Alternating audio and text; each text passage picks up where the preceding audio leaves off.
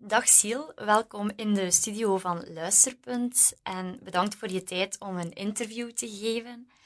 Je bent auteur van drie dichtbundels, een roman en twee kortverhalen.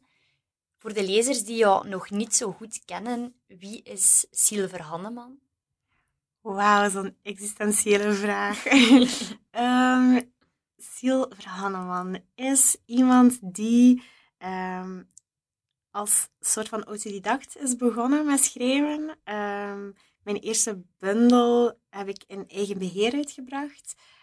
Um, en dan heb ik het gevoel dat ik zo op mijn eigen manier een beetje aan het bouwen ben naar, um, naar een wat steviger auteurschap of zo. Van eigen beheer terechtgekomen bij een uitgeverij. En ik ben dan zo een beetje in de luwte aan het doen soms, maar daar voel ik mij ook het meest op, op mijn gemak. Um, maar dus ik schrijf poëzie en proza.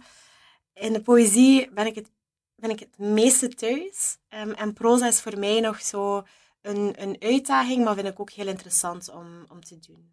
Um, voilà. uh, en waar is de passie voor schrijven begonnen?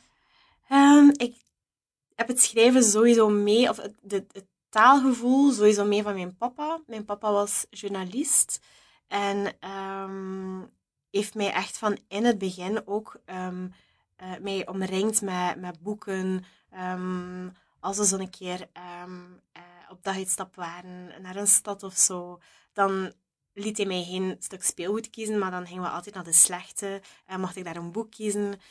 Um, dus hij heeft mij eigenlijk echt op een, op een heel natuurlijke manier de liefde voor woord um, meegegeven. En ja, zo in, in, in het lager middelbaar schreef ik heel graag opstellen als meestal een van de enigen van de klas. Vond ik dat heel leuk. Um, en dan is dat even zo wat naar de achtergrond geraakt. Maar dan is mijn papa overleden. En dan heb ik denk ik echt ook hetgeen dat ik van hem heb geleerd, die liefde voor taal, gebruikt om met dat verlies om te gaan. En dan heb ik mij, um, ja, ben ik heel veel beginnen schrijven. En je bent bekend geworden door jouw poëzie te publiceren op Instagram onder het pseudoniem De 15e Verdieping. Waarom ben je met poëzie gestart op Instagram?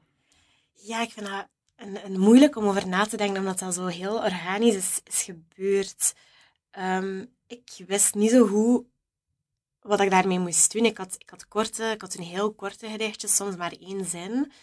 Um, en dat, was, dat leek zo te verdwijnen op, op een blog.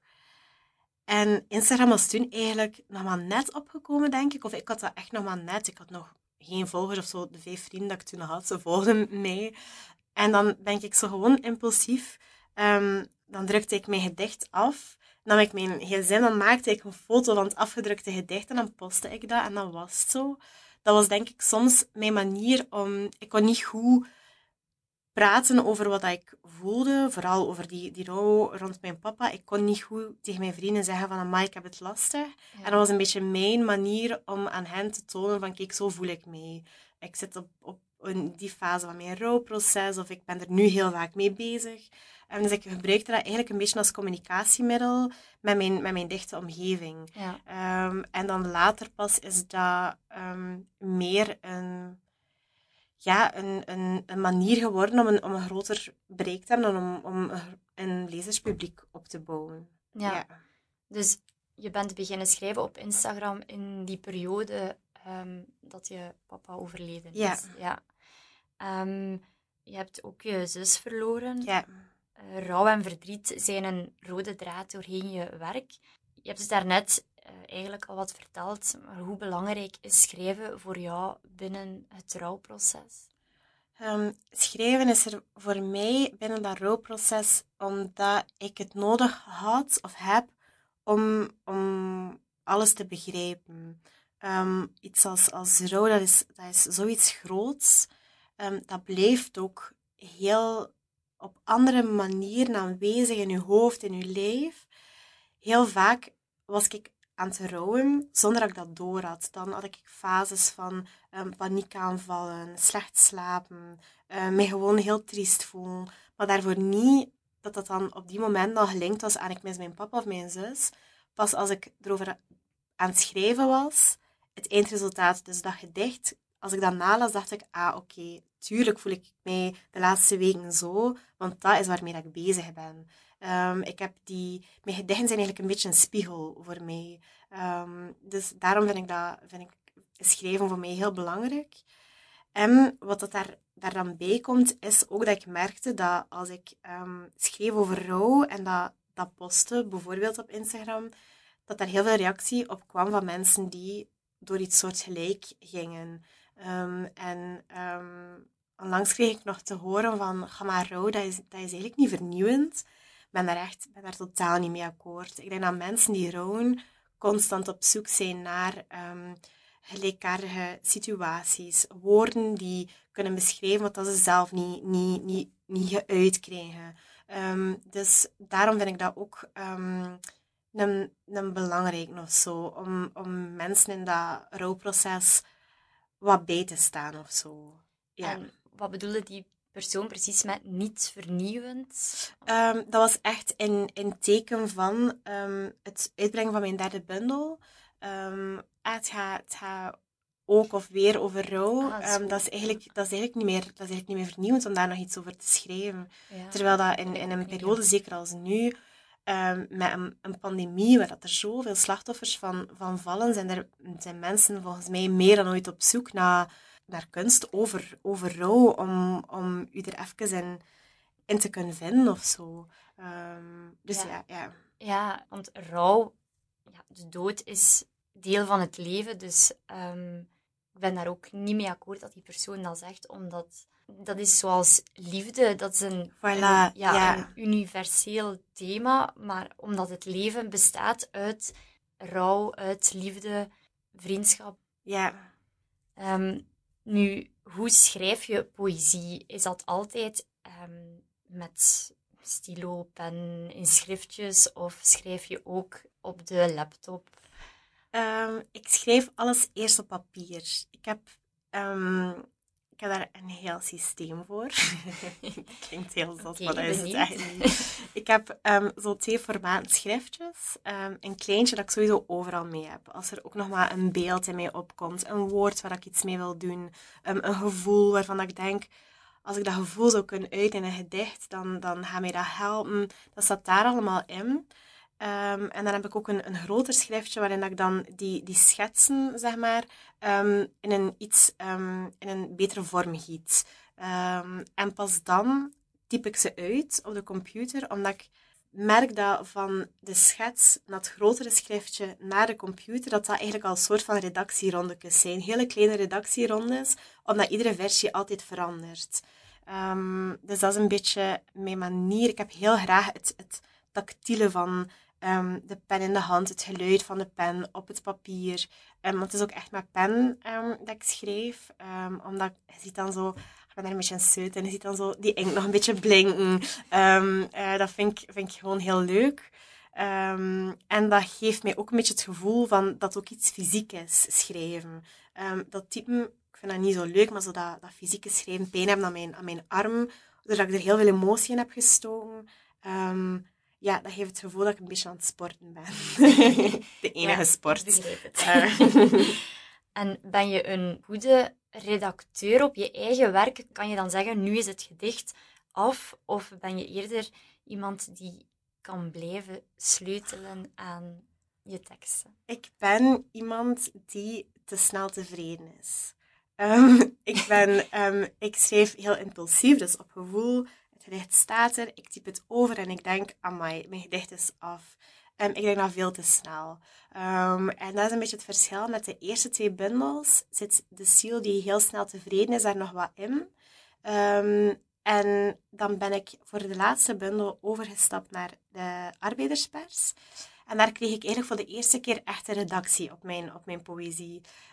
dat was ook een sport die, uh, de gedichten werden echt zo woord per woord, zin per zin, moet dat er staan? Wat is nut dat dat daar staat? Wat doet dat uh, met het gedicht? Die laatste zin zegt eigenlijk wat je heel het gedicht hebt. Ik zou die zin wegdoen. Dat was een soort van redactie dat ik nog nooit op mijn poëzie had gehad. Um, en um, dat heeft mij heel veel bijgeleerd en mij heel veel doen inzien. Ik was zo daarvoor meer zo van, maar poëzie is zo fragiel en zo kwetsbaar. En ehm, als er daar redactie op komt, dan is het niet meer authentiek, maar dat is, dat is geen waar. Dus ik heb er heel veel uit geleerd. Maar anders ben ik ehm, veel te snel tevreden. Ook het, het schrappen. Mijn eerste bundel in eigen beheer, dat is een hele dikke bundel. Ehm, en die redactie is gedaan door mijn lief en mijn beste vriendin. en daar, dat is nu 110 pagina's en dat ging nog veel dikker geweest. En ik had echt mensen nodig die zeiden, Siel, dit moet eruit. Dus ja, ik ben geen goede, redacteur voor mezelf. Nee. Ja. maar ik denk dat dat ook wel zijn positieve kant heeft. Want als je te veel twijfelt of schrapt en aanpast, uh, ik denk dat dat ook wel... Uh, niet altijd even gemakkelijk is. Nee, inderdaad. Zo van die hele, heel secure schrijvers die inderdaad um, ja, op den duur amper nog iets uitgeven omdat ze wat blok zetten. En het kan altijd beter. Tuurlijk kan het altijd beter. Maar dan vind ik het leuker om te zien dat ik van de ene bundel naar de andere groei en dat er evolutie in zit. Dan, dat ik jaren met die gedichten blijf zitten totdat ze ook misschien voor mijzelf niet meer relevant voelen. Ja. Um, ja. ja. Oké. Ehm, nu, je hebt vandaag twee dichtbundels bij ons in de studio ingelezen. Jouw debuut, Als ik stil ben, heb ik een bos in mijn hoofd. En jouw nieuwste dichtbundel, Wat nu met het licht dat binnenvalt. Hoe vond je het om je eigen werk in te lezen? Ik vond dat heel eng.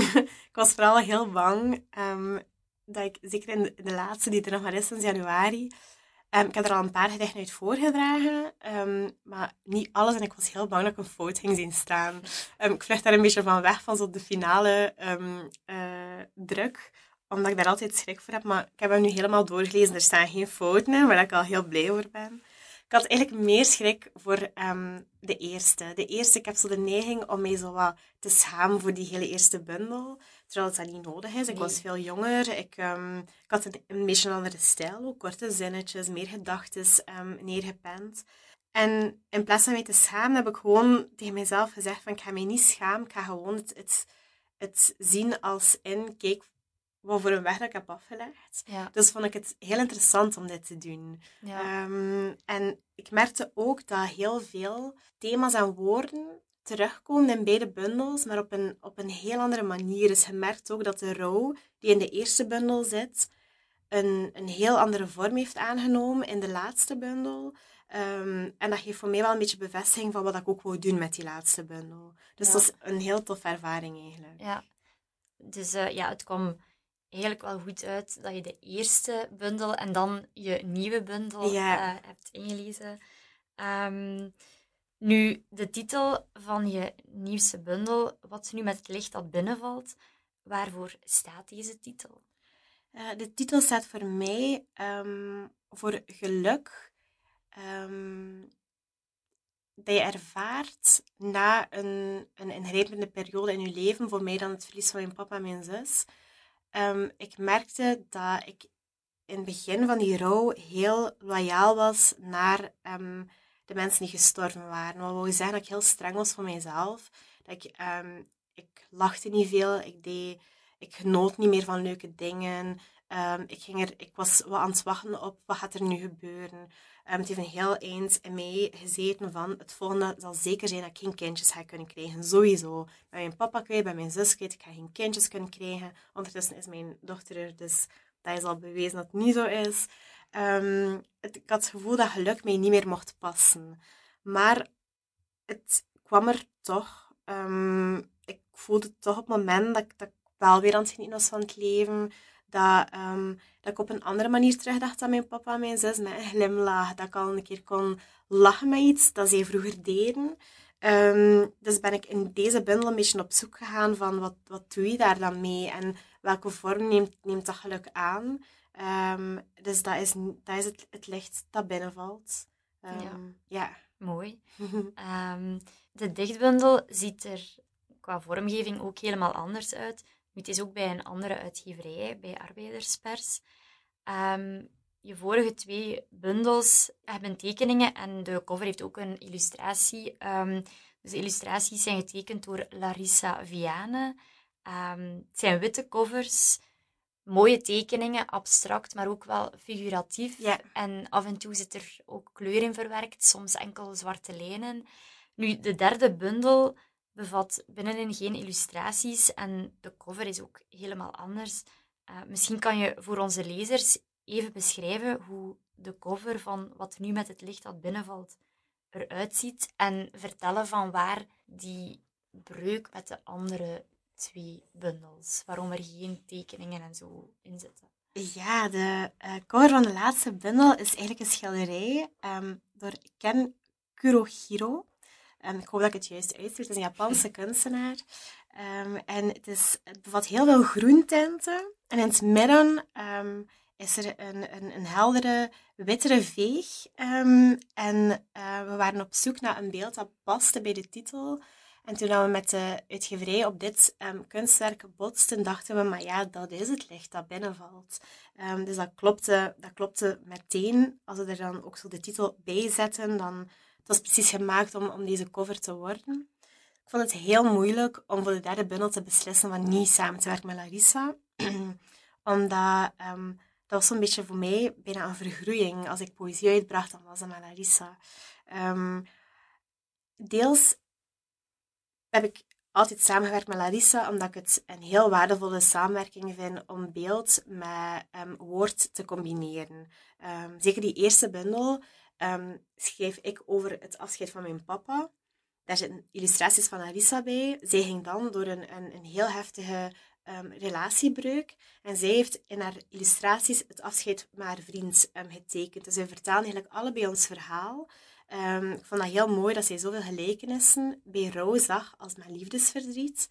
Ja. Um, dus ik vind dat, ik vind dat een, een mooi verhaal. Maar deels verstopte ik mij soms daar wel een beetje achter. De verantwoordelijkheid van al dan niet succes van de bundel was samen. Um, naar de boekenbeurs gaan, ik moest daar nooit alleen zitten, dat was samen met Larissa. Ja. En nu vond ik het, het tijd, omdat er zo'n evolutie zit aan het schrijven en bij een andere uitgeverij terecht te komen. Um, alles voelde um, een beetje zelfstandiger en autonomer voor mij. Dat ik de stap heb gezet van, ik ga nu proberen van mijn gedichten voor zich te laten spreken. Um, en um, dat heeft zo wat, wat kracht of wat moed gevergd, maar ik ben wel blij dat ik het, dat ik het gedaan heb. Ik wil aan mezelf tonen van, um, je gedichten op, op zichzelf bestaan en staan hoe. Ja. voilà, ja, dat is zo'n beetje het verhaal. Okay. nu, mag ik jou vragen om een gedicht uh, voor te dragen uit de bundel op pagina 19. Ja. Het gedicht Nawi. Oké, dat ga ik doen. Nawi. Het start bij een spier die samentrekt. De onverwachte trilling onder mijn oor valt niet los te laten. Ik word een wandelend spasme. Van de druk op mijn longen maak ik een logdier dat ik te vriend kan houden. Iets zwaar en zacht om de woeling te omarmen. Mijn stem, ze piept als een klein kind en op foto's haal ik mijn eigen gezicht niet meer uit de groep mensen. Iemand tikt op mijn schouder, ik knap uiteen als een te strakke ballon. Onlangs kwam ik ten val bij het rolschaatsen, alle spierkracht vloeide op het beton. In foetushouding bleef ik liggen. Zo banaal zou het voor mij eindigen. Geen tumor, geen nierfalen, enkel een steentje tussen mijn wielen. Ik volg de vijf fases niet, fluisterde ik tegen mijn knieën. Ik weiger. Heel mooi. Ik zit met u in dezelfde ruimte, dus dat komt nog zoiets extra hard binnen. um, ja, echt heel mooi. Dank je um, nu, op het einde van het gedicht zeg je, ik volg de vijf fases niet. Um, is dat iets, dus dat gaat over de vijf fases van rouw. Ja. Is dat iets wat mensen vaak tegen jou zeggen als je het moeilijk hebt? Ja, als, als het lastig gaat in verband met rouw, um, gebruiken, en ik deed dat vroeger ook, um, we gebruiken heel veel clichés we weten eigenlijk niet zo goed wat we met iets groots als verdriet moeten doen. Um, heel weinig gebeurt dat. dat stel dat ik in huilen uitbarstte om het verlies van mijn papa of mijn zus en er waren vrienden bij mij, heel weinig gebeurde dat. Dat die mij gewoon vastpakten, dus noods meehouden, wat dan ook. We gaan heel snel um, clichés gaan gebruiken, de scherpe randjes gaan ervan afgaan, um, we gaan het een plekje geven. Maar op die moment, als rouwende, zei daar echt niets mee. Ehm, je wilt het geen plek geven, want het is, het is te pijnlijk. Um, uh, je wilt bijna zelfs ook niet dat die scherpe randjes ervan afgaan. Want je wilt dicht bij, bij, bij de mensen die je mist blijven. Dus eh, heb ik dan een beetje op mijzelf naar gezocht van welk beeld vind ik dan, vind ik dan like, wel oké. En dan, dan gebruik ik dat nu als in, in golven. En soms zit ik in een, in een piek dat ik echt mijn papa en mijn zus enorm hard mis. Dan komt er een periode waarin dat ik er wat minder mee bezig ben. En dat is oké. En in die pieken mag ik evenveel troost vragen als dat dat nu vers is, of al acht jaar geleden, of, of niet. Ehm, en in de andere momenten mag ik, mag ik perfect een keer gewoon mij zorgeloos voelen. Ehm, maar uh, ja, die vijf fases, ik heb me daar heel vaak heel kwaad op gemaakt. Um, omdat ja, rouw en een verlies niet iets is dat op een bepaald moment afgerond is. Ja, het is ook precies een soort handleiding voor ja, voor iets dat bij iedereen ook anders is. Iedereen gaat anders om. Voor mensen kan dat perfect wel werken. Um, en, en misschien gewoon vastgevoeld aan die fases. Van, ah, oké, ik zit nu in die fase en nu in die fase. En dat is ook perfect. Um, maar je kunt um, bij rouw, en datzelfde met zo, heb ik nu ook ontdekt, met een baby krijgen. Iedereen wil baby's in, in hetzelfde hokje steken. en vanaf die maand moeten ze doorslapen. Van, maar iedere baby is anders. al die grootste dingen in het leven, je kunt daar niet je kunt daar niet voor iedereen hetzelfde van verwachten. Nee, je kunt niet zo van ehm, stappenplan. Nee, voilà, ja. Ehm, ja. En ik denk, ja, uh, dat mensen, als ze jou willen troosten, dat ze dat vaak willen proberen oplossen door van die clichés te gebruiken. Terwijl, ja, je kan het niet oplossen. Um, en zoals je zegt, eigenlijk is het gewoon beter dat je elkaar een keer vastpakt. Ja, en dat je het erkent. Dat je inderdaad zelfs het, het uit van... Dit is zo groot, we kunnen dit niet oplossen. Ik kan hier enkel even zitten of gewoon vragen... Wat heb je nu nodig? Wat heb jij nu nodig? Is dat iets heel bazaal als in... Kook alsjeblieft voor mij, want het gaat, het gaat, bij mij gaat het niet lukken. Is dat... Blijf hier gewoon even in stilte zitten is dat blijf in mijn huis, in een andere kamer. Ik moet gewoon weten dat er hier iemand is. Maar er wordt zo weinig gevraagd, wat heb je nu nodig? Ja, um, ja. ja dat is waar. Ehm, nu, inhoudelijk komen er andere thema's aan bod.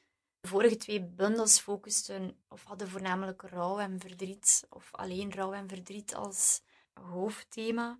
Maar nu in deze bundel komen er ook wel andere thema's aan bod. Zoals het moederschap. Je bent ehm, een paar maanden geleden mama geworden. Ja. Uh, nog eens proficiat daarvoor. um, maar ook de stap naar ja, een, een andere zelfstandigheid van meisje naar vrouw. Ja. Um, je hebt je ook duidelijk laten inspireren door kunst. Uh, kunstwerken van onder andere Monet, Catherine Murphy, Rodin.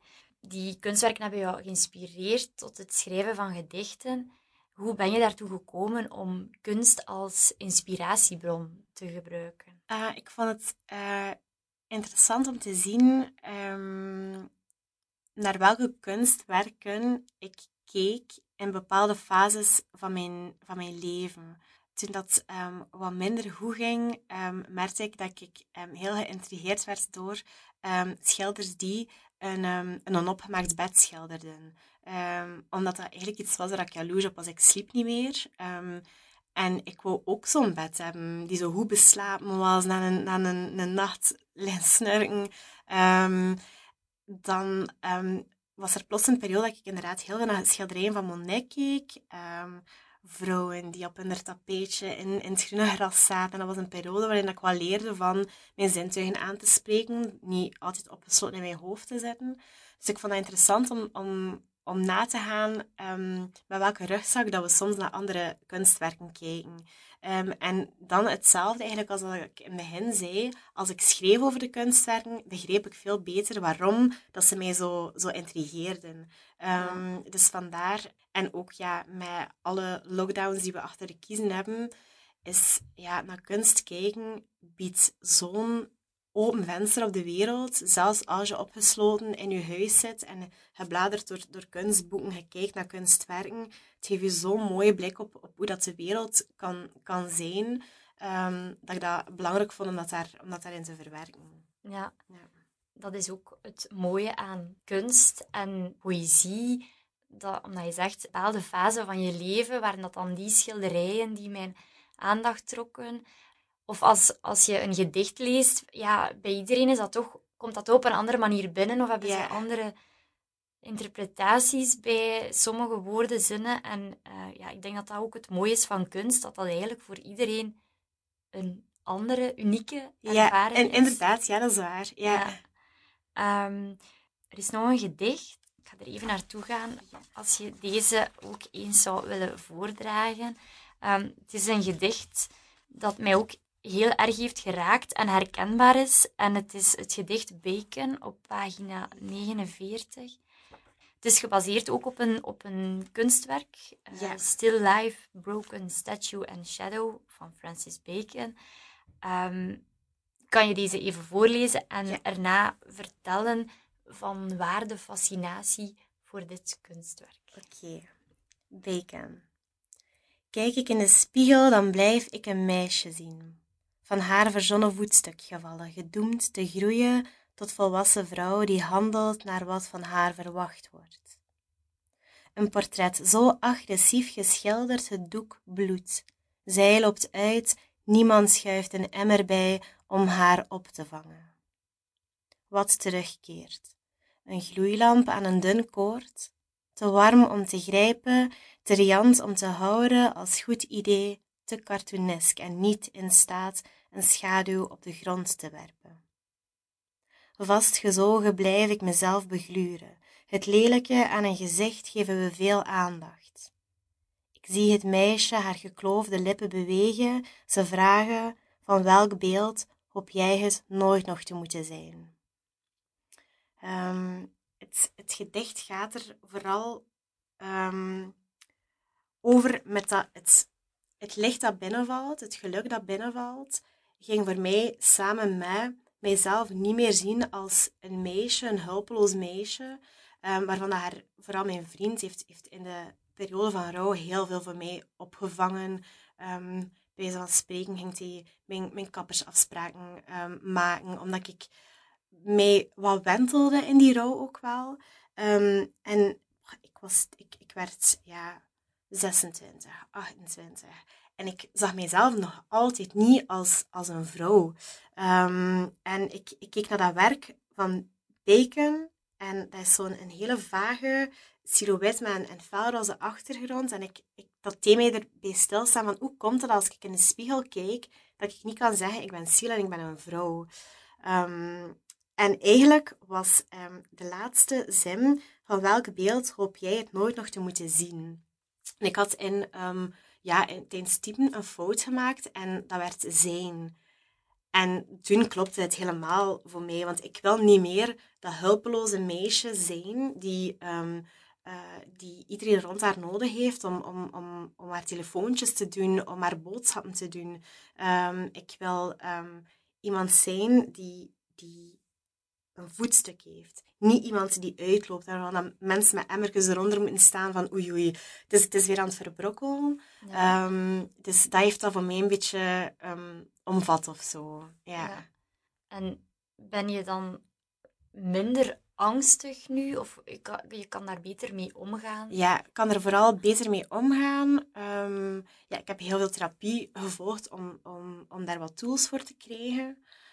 Um, en ik kan de angsten wat, um, ja, wat, wat rationeler bekijken, wat feitelijker bekijken. Ah, oké, het is er waarschijnlijk um, in combinatie met weinig slaap. Bijvoorbeeld nu ook heb ik het wel lastiger, maar ik moet heel veel over, over de bundel praten. Daarnet heb ik hem voorgelezen. De kans dat ik vanavond een minder goede avond heb, omdat ik zo hard in die herinnering heb gezeten, is groot. Maar ik kan daar nu van op een afstand naar kijken en over nadenken. Als je midden in die angst constant zit, dan heb je de moed of de, de, de energie niet om daar op een andere manier naar te kijken. En dat kan ik nu wel. Dat kan ik als meisje niet, maar dat kan ik als vrouw wel. Ja. Um, ja.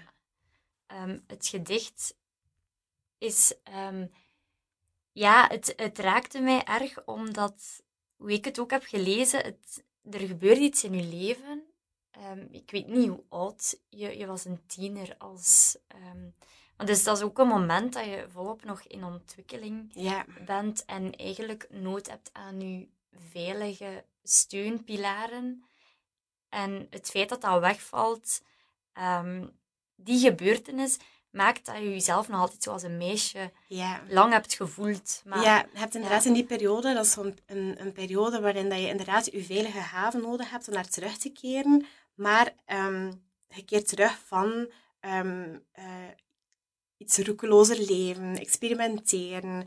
Um, maar als je in die periode iets, iets meemaakt dat je daar een beetje in, in tegenhoudt of zo, ja, dat, dat tekent de, de rest van je, van, van uw ontwikkeling. Ja. Um, ja. ja. Um, de bundel bestaat uit drie cycli. Uh, de kier, een cyclus, dit is ons huis en nieuw leven. Ja. Het eerste gedicht gaat over je papa. Het, ja, het begint met de dood en het eindigt met een gedicht over je dochter, het leven. Dus er zit een, ja, een evolutie in de bundel. Hoe heb je die bundel geschreven? Zijn die gedichten ook in die volgorde ongeveer gegroeid? Ja, eigenlijk wel. Ja, de gedichten over, over, over mijn papa um, zijn er al lang, zijn er, zijn er al langer dan, dan, dan de, de laatste gedichten.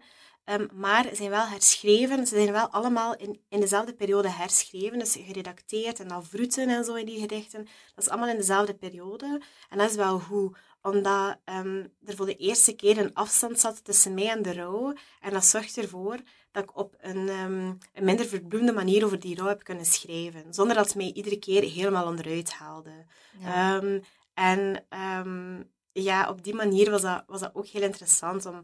Ja, in, in die laatste fase leg ik dan al de gedichten in de woonkamer en kijk ik van wat past er mooi naar wat, moet, moet kloppen. Um, en dan, ja, dan, dan zie je inderdaad zo die, die zware cyclus van, van die kier in dat mortuarium liggen. En dan zweeft daar ergens ook zo um, met mijn dochtertje bij. Um, dus dat was wel mooi om te zien. Ja. ja. Een ander thema in de bundel is ook het lichamelijke, het lichaam, de lichamelijke impact van uh, rouw, van verdriet. En de bundel bevat een cyclus houten leven. En dat gaat over de impact van rouw op intimiteit. Ja. Kan je een gedicht uit die cyclus voorlezen? Ja, dat ga ik doen. Uh, ik ga lijf 2 voorlezen. Ja. Het dierlijke aan vrije was het banale geworden. Dat ze daarboven meekeken, hoe wij, kleren ontknopen, in hoekjes gegooid, tot eindelijk die huid op huid, wild, hoe snel willen we de ander begeerd hebben. Dat ze neerkeken op het likken van navels, de binnenkant van dijen, vingers de hele dag gewacht om jachtig langs bikinilijnen te strijken. Mijn houten lijf, het kon niet meer volgen, het likken deed zeer de vingers, ik kon ze breken, had ik dat gewild. Ik klapte meer dan eens mijn knieën dicht, legde mijn hand als een vloek, huiverde door de tong, vergaarde snel mijn kleren, dankbaar voor elke kamer die me een uitgang gaf. Vind je dat dit thema te weinig bespreekbaar is? Heb je... Uh, want dat is, ik vind dat heel mooi, dat je bent daar heel... Allee, dat is poëzie, heel eerlijke poëzie. Dat zijn thema's die je niet... Uh, ja, waar ik denk dat sommige mensen ook niet over durven schrijven of nog niet durven schrijven. Um, vond je dat belangrijk om, om ook dit thema in de bundel? Ja, ik vond dat niet gemakkelijk. Um, want dit gaat echt over um, de periode na mijn papa en mijn zus. was intimiteit echt enorm moeilijk voor mij. mijn libido super laag. gewoon omdat dat zo, in zo'n contrast stond, zodat um, zoals het in het gedicht staat, zo dat, dat dierlijke, dat egoïstische ook een beetje stond zo in fel contrast met het feit dat ik um, iets als rouw en het verlies van mijn papa en mijn zus um, had meegemaakt. het effect ook op je lichaam door zo het, het verdriet en, en ook wel een beetje de stress en de angst die daarmee gepaard gaat. Ik had constant pijn, ik had overal spierpijn. en ik dacht gewoon, als ik wil uitdragen van ik schrijf eerlijk over rouw en wat dat, dat doet, dan ben ik het aan mijn lezers verplicht van dan ook daarover te hebben. En ik denk dat dat voor sommige mensen misschien herkenbaar is, waarschijnlijk niet voor iedereen. Misschien dat mensen net in intimiteit een soort van, um, van vlucht van de rouw ontdekten. Bij mij was dat het omgekeerde. Um, maar daar wordt niet zo heel veel over, over gesproken. Um, en dan ik ging het ging mijzelf een beetje laf gevonden als ik dan dat thema niet zou aanhalen. Ja. ja. ja. Dat is een voorbeeld van hoe je met poëzie ook thema's de wereld kan insturen om daarover te praten. Omdat dat wel uh, zoiets is waar dat ja, niet meteen of niet gemakkelijk over gepraat wordt. Nu, je hebt ook een roman geschreven, uh, Of Iedereen gaat dood. Um, het verhaal gaat over Lander, een twintiger die zijn vader verloren heeft en ja, een, een enorm verlies, uh, verdriet met zich meedraagt. Um, en hij gaat naar een therapeute, Saskia. Um, het boek is geschreven vanuit uh, beide perspectieven. Ja. Hun beide levens geraken met elkaar verweven tot een bepaald moment dat het escaleert. Het is een, ja, een roman over eenzaamheid, over liefde. Um, had je al lang het idee om, om dit verhaal neer te pennen? Ja, het zat in mijn, in mijn hoofd en in mijn vingers zonder dat ik het wist. En toen dat um, Stefanie, die mijn redacteur was bij Manto, waar dat het boek ook is, is uitgegeven, um, mij op de koffie vroeg. Um, uh, en mij vroeg van, we hebben uw eerste bundel gelezen, want we dat daar nog wat meer in zat. Wil je, een, wil je geen, geen roman schrijven? Die avond ben ik, er, ben ik eraan begonnen. Ik wist dat dat verhaal in mijn hoofd zat. Kende mijn personages eigenlijk al heel goed. En ik ben toen beginnen schrijven. Ik heb dan het einde van het boek al geschreven. Um, dus het, ik wist niet dat het in mij huisde, maar het zat er al. Ja. ja. het was een idee dat je vroeger ja, het was mijn, mijn hoofd al gekruist. Of ik, ik, ik, was zo zelf in, in, in therapie. En als ik babbelde over mijn, over mijn papa, had ik het al, al ooit een keer in mijn hoofd gehad. Ik ga het misschien ook niet helemaal verklappen, maar ik dacht toen... Als ik hier mijn papa zo goed beschrijf, wat als... Dan komt het plots van, van het boek. Uh, maar door die vraag van, van, zit er een roman in u? En is dat zo... Ja, heeft dat zich zo wat ont, uh, ontrold. Ja. ja. En... Uh een roman schrijven is anders, als, anders dan poëzie schrijven. Hoe ben je dan te werk gegaan om dit boek te schrijven? Um, alleszins niet gestructureerd. Ik heb heel veel stukken naar elkaar geschreven um, van, het, van het boek. Um, en ja, ook altijd zo poëzie blijven schrijven. Ik had, die, ik had de poëzie ook echt nog nodig. Om, om tussendoor wat te schrijven. Eigenlijk een beetje hetzelfde als met mijn poëzie.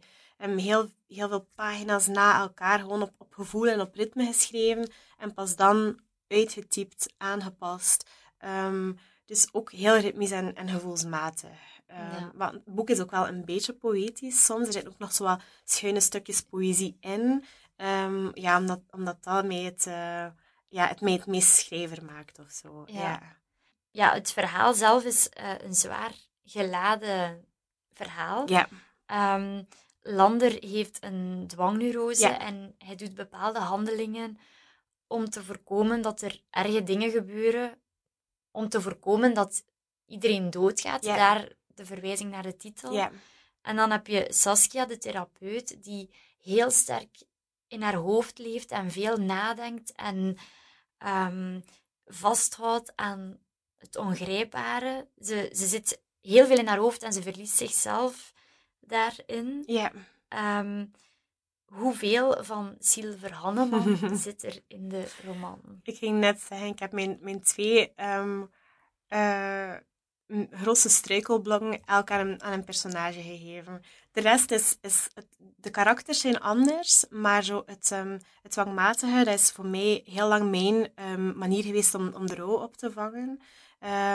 Dwang geeft je zo het gevoel dat je, dat je controle hebt, maar dat is een, een, een valse controle. Ik heb nu geleerd in therapie dat dat ook niet slecht is of zo. De, bijvoorbeeld, um, als er een wimper uitviel, moest ik altijd dezelfde wens doen. Als ik dat per ongeluk niet had gedaan, dan moest er een andere wimper uit om het opnieuw te kunnen doen. Um, dus in een bepaalde fase is dat niet erg dat je zoiets gebruikt om, om, om, om, om rouw op te vangen. Ehm, maar op den duur heeft dat je echt een, een valse manier, een valse hoop van, van controle. Ehm, en dat in mijn hoofd zitten, ik zei het daarnet ook, um, dingen als kunst en, en mij bewust zijn van, van de natuur en, en de dingen rond mij, heb ik ook echt geleerd en nodig gehad om, om uit mijn hoofd te kruipen. dus die twee struikelblokken zitten elk in, in een personage. Um, maar de rest van het verhaal, ook de vader die overleden is, is ook een, een heel andere vader dan mijn papa. Um, had ik ook wel nodig. Ik wou niet samenvallen met dat boek. Als het dan over dwang en over in uw hoofdleven ging, dan mocht ik er niet helemaal mee samenvallen, want dat ging dat mij echt tegengewerkt hebben. Ja. Um, dus het is zo een, een goede mix van heel veel van mezelf, met heel veel fictie, zodat het haalbaar is om te schrijven ook. Ja. ja. En in welke personage, of je zegt je hebt van beide ja, uiteraard als schrijver, je, er zit sowieso ja, van jezelf in het boek. Maar met welk personage voel je het, het meest verbonden? Oh, ik hou van Lander. Hou echt van. Ik vond het heel jammer dat mijn boek af was, omdat ik zo graag bij hem wou blijven. Ook omdat um, ik um, die, die dwang heel hard heb gekoesterd. En dat uw Lander eigenlijk ook een, een beetje. Um, iedere keer dat zo in mijn therapie tot op het punt kwam van, ah, oké, nu gaan we het daar een keer over hebben dan hield ik de boot weer af. Ik wou dat bij mij houden. Dat, dat, dat, dat hielp me op een bepaalde, moment, op een bepaalde manier veel te hard. Um, dus um, ja, ik, ik hou van Lander ook wel. Dwang is voor mij niet enkel negatief. Die dwang maakt mij soms ook creatief. Um, uh, die, dus vandaar dat, dat ja, mijn hart ligt bij, bij Lander. Ja. Ja.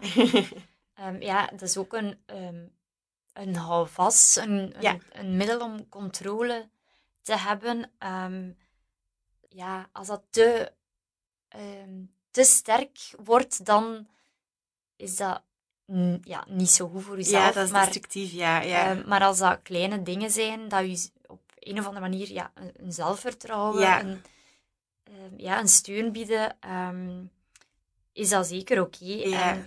ik vind ja, mooi dat dat thema ook eens aan bod komt in, in een boek, omdat dat je vertelt ook zelf dat je daar niet meteen over durfde praten tegen je therapeut. Dat dat, ja. Je wilt dat bij je houden, ja, maar dat is ergens ook een beetje een... Iets, ja, zo dwang is ook zo iets... Um, ja, de kans om je daarover te schamen is, is redelijk groot, omdat dat is echt magisch denken. Nee, ik ga nu dat en dat doen, zodat dat niet gebeurt.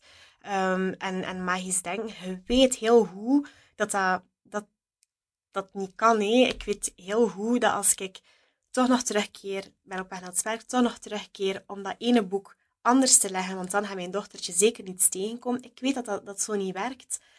Maar je kunt, je kunt op den duur niet anders, want wat als het wel zo werkt? En dat is een bijna zo wat schaamtelijk om, om dat uit te leggen aan iemand.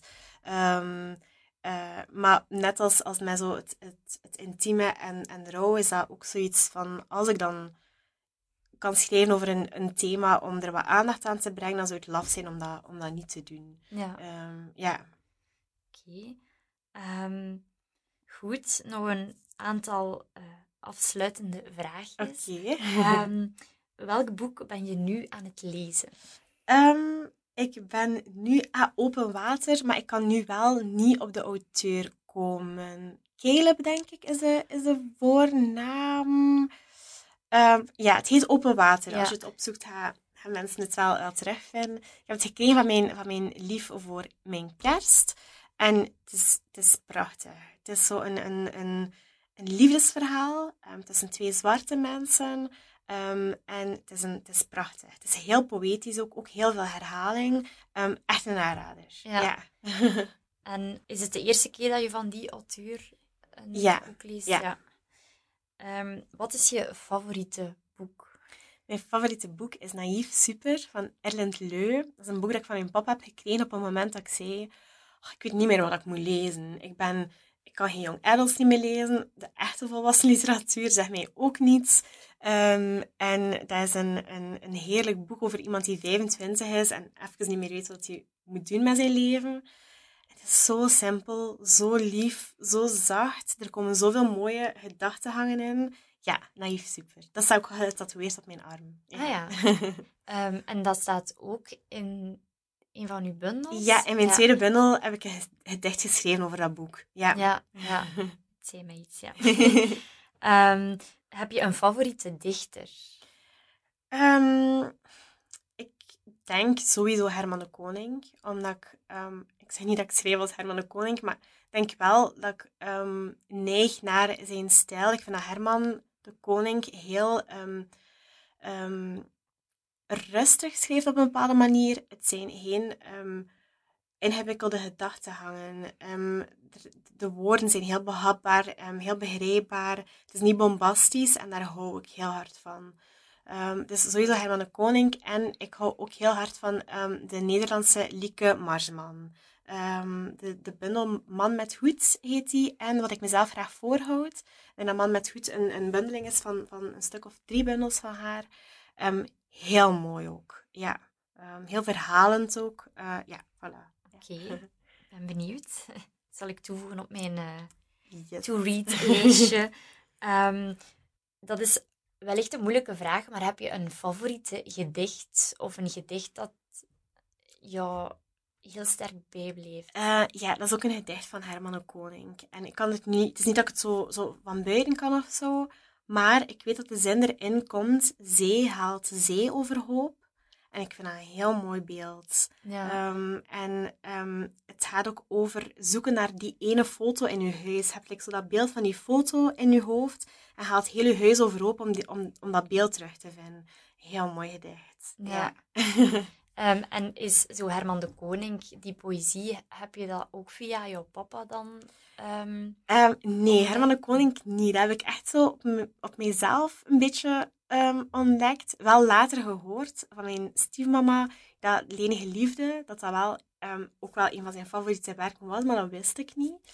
Um, maar dat is wel zoiets waar ik zelf op ben, ben, ben uitgekomen. Ja, ja. oké. nu, wat brengt de toekomst voor jou? Welke projecten uh, liggen er nog op de stapel? Uh, mijn tweede roman uh, ligt uh, op mij te wachten als, uh, als zo de derde bundel zo nog wat meer geland is. Um, heb ik heel veel zin in, want ik wil er iets, iets, iets helemaal anders van maken. Ik wil er zo echt, echt, ik wil dat hij er staat. Um, dus dat sowieso. En ik zou ook heel graag nog, nog, nog een kort verhaal uitbrengen. Um, en voor de rest wil ik wat meer aan de slag met uh, het geven van workshops aan, aan kinderen. Um, zo poëzie in de klas brengen. Um, dus daar ben ik ook een beetje op aan het broeden. Ja, oké, leuk.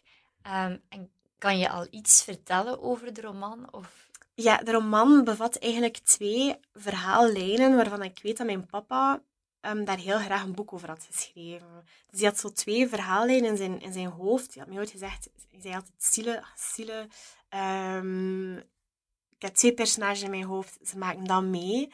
Um, en ik wil dat boek voor hem uh, verder schrijven of afmaken. Ja. Um, dus wel, wel spannend of zo. Is dat mijn opdracht of of om te doen, dat weet ik niet. Maar het is zo'n mooie plot dat ik het wel wil proberen. Ja. Um, dus ja, voilà. Mooi. Kijk er naar uit. Yes. Goed. Uh, heel erg bedankt voor je tijd. Graag gedaan. Ik wens jou nog veel succes in je schrijverscarrière. Dankjewel.